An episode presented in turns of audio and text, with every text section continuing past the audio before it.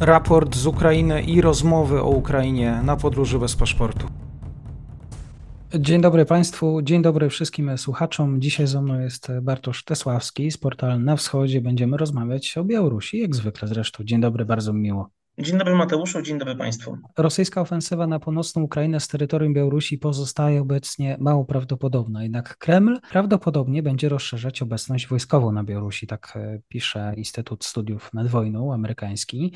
Oczywiście mamy teraz jeszcze ćwiczenia e, wspólne rosyjsko rosyjsko-białoruskie. Mamy również, e, dużo się dzieje, bo i proces Andrzeja Poczobuta. Właśnie jak myśleć dzisiaj o tym zaangażowaniu, wciągnięciu e, Białorusi w wojnę? Ja wciąż pozostaję, nazwałbym to umiarkowanym optymistą, to znaczy nie wydaje mi się, żeby to wszystko, co obserwujemy, miało na celu wciągnięcie Białorusi w ten konflikt. Ona w nim uczestniczy już, ale uczestniczy w nim jako wsparcie dla Rosji. To znaczy, e, mamy co chwila informacje o tym, że kolejny pociąg z rosyjskim sprzętem i wojskowymi przybył do, do Białorusi, ale nieco mniej się w Polsce mówi o tym, że także takie pociągi z tej Białorusi wybywają. To znaczy, trafiają na przykład niedawno, bo bo w piątek bodajże przyjechał jeden pociąg e, z ludźmi i sprzętem, ale jeden też wyjechał w kierunku Ługańska. E, tak przynajmniej donoszą, donosi białoruska kolej, że, że takie właśnie transporty się odbywają. Zresztą Zjergało zrobiło także materiał na temat tego, że te pociągi czasami jeżdżą z tym sprzętem i z ludźmi tylko po to, żeby to symulowało i sprawiało wrażenie, że coś się dzieje. Więc z jednej strony Białoruś pełni rolę takiego wsparcia dla, dla Rosji w zakresie ćwiczenia tych ludzi, przygotowywania ich do, do walki i już jakby oni z Białorusi bezpośrednio ruszają na konflikt, w związku z czym to nie jest tak, że że są szkoleni u siebie w domu, tylko, znaczy w domu, w sensie w Rosji, tylko są szkoleni za granicą i potem z tej zagranicy już ruszają do, e, do walki. Prawdopodobnie ktoś, kto się lepiej na tym zna, byłby w stanie wytłumaczyć sens takich działań, ponieważ ja do końca tego akurat nie rozumiem. Z drugiej strony mamy też, e, i to jest druga bardzo istotna rzecz, o której zaraz będziemy mówili, jak przejdziemy do omawiania samych ćwiczeń, mamy to robienie szumu dookoła tego wszystkiego, co się dzieje. To znaczy, mamy jedne ćwiczenia, które się kończą, drugie ćwiczenia, które się właśnie zaczynają, do tego jakieś słowa o ukraińskich prowokacjach rzekomo w kierunku Białorusi i do tego wszystkiego jeszcze formowanie się regionalnego zgrupowania wojsk. E, to wszystko sprawia wrażenie, jakby zaraz miało się zacząć, ale jednocześnie tutaj zarówno Amerykanie, jak i Brytyjczycy, jak i sami Ukraińcy, którzy na pewno nie chcą powtórzyć błędu, który popełnili 24 lutego, e, informują o tym, że patrzą bardzo uważnie na to, co się dzieje w Białorusi, ale na ten moment nie dostrzegają przesłanek do tego, że faktycznie może dojść do, do ataku z tej strony. To w takim razie pozostaje ćwiczeń, ćwiczeń lotniczych, kwestia te, tego z tych, tych wspólnych manewrów. Dokładnie. Mamy informacje o tym, że one dzisiaj wystartowały. One potrwają do samego początku lutego.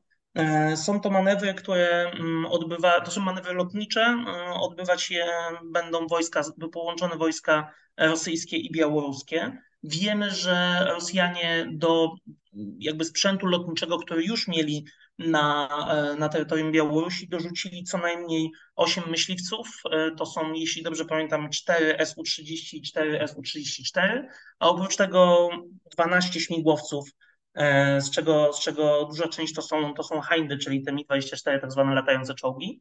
Mm, specem od tego nie jestem, ale Hindy zawsze mi się podobały, więc zapamiętałem, jak, jak się nazywają. Więc mamy informacje o tym, o tym sprzęcie, który został do, do Białorusi wysłany. No i mamy oficjalną informację białoruskiego Ministerstwa Obrony, że szkolenia mają na celu przećwiczenie. Oczywiście tam nie, nie są one przygotowane do to nie są ćwiczenia jakby zaczepne, tylko są to ćwiczenia oczywiście obronne i mają na celu przećwiczenie między innymi desant wojsk, ewakuację rannych, ochronę przestrzeni powietrznej i coś tam jeszcze.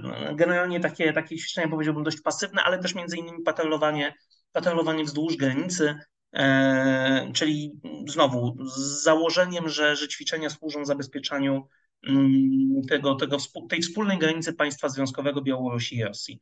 Ukraińscy analitycy, którzy przyglądają się temu, zwracają uwagę na to, że tych wojsk zaangażowanych w, w te ćwiczenia, czyli w tym wypadku tych wojsk lotniczych, nie jest z Rosji ściągniętych jakoś szczególnie dużo. I nawet jeżeli zostałyby wykorzystane te wojska, które stacjonują w w Białorusi rosyjskie wojska lotnicze, bo mamy pewność o tym, że co najmniej stacjonują tam te e, przeklęte MiG-31K, które, które są w stanie wystrzeliwać rakiety Hinjal. te naddźwiękowe, to w tym momencie nawet wykorzystanie tych biało- rosyjskich wojsk, które się w Białorusi znajdują, nie stanowiłoby realnego zagrożenia dla, dla Ukrainy, więc raczej nie jest to przygotowanie do ataku, tylko chyba faktycznie wydaje się, że tym razem będą to ćwiczenia. Zresztą to także te informacje także potwierdzał brytyjski wywiad.